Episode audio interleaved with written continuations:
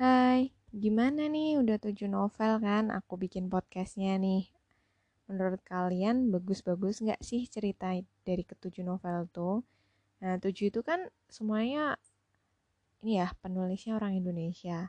Belum bosen kan ya dengerin novel karya anak Indonesia? Ya walaupun kemarin dari tujuh novel itu banyak yang ini ya cerita cinta-cintaan gitu ya mungkin waktu aku beli novel itu tuh lagi pengen cerita cinta-cinta tapi tenang aja di podcast-podcast berikutnya nggak semuanya tentang cinta-cintaan kok. Walaupun novel yang berikutnya ini cinta lagi sih cinta-cintaan lagi. Tapi ya beda-beda kok. Nggak sama dari tujuh novel itu aja kan beda-beda ya jalan ceritanya.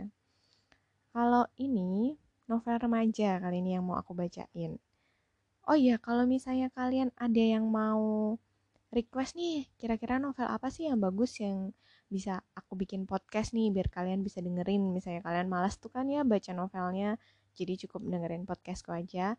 Itu kalian bisa DM aku di Instagram aku ya, @aprilmaha. Ditunggu ya DM-nya. Makasih.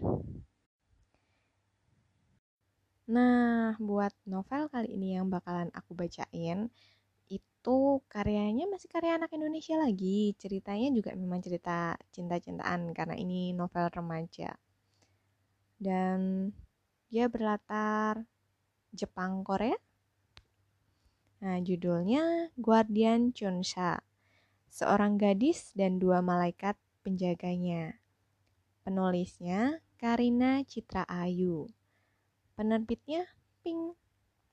Ah, penasaran gak sih Aku bacain ya sinopsisnya.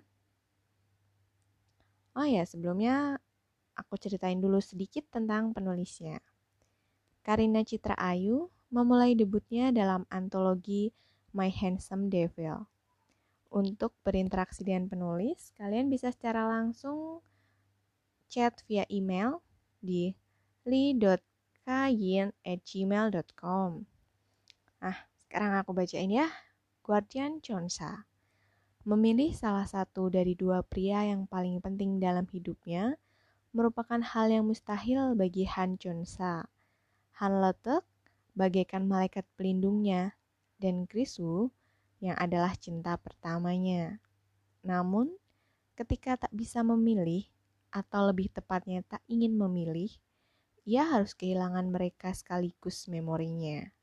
Sebuah misteri pun terus membayangi kehidupan Chunsa hingga berbagai kejadian aneh perlahan mengingatkan dia akan lelaki yang sesungguhnya memiliki cinta sejati. Nah, itu tadi ya, sedikit banget sinopsisnya. Buat yang penasaran, mari kita dengerin di episode berikutnya.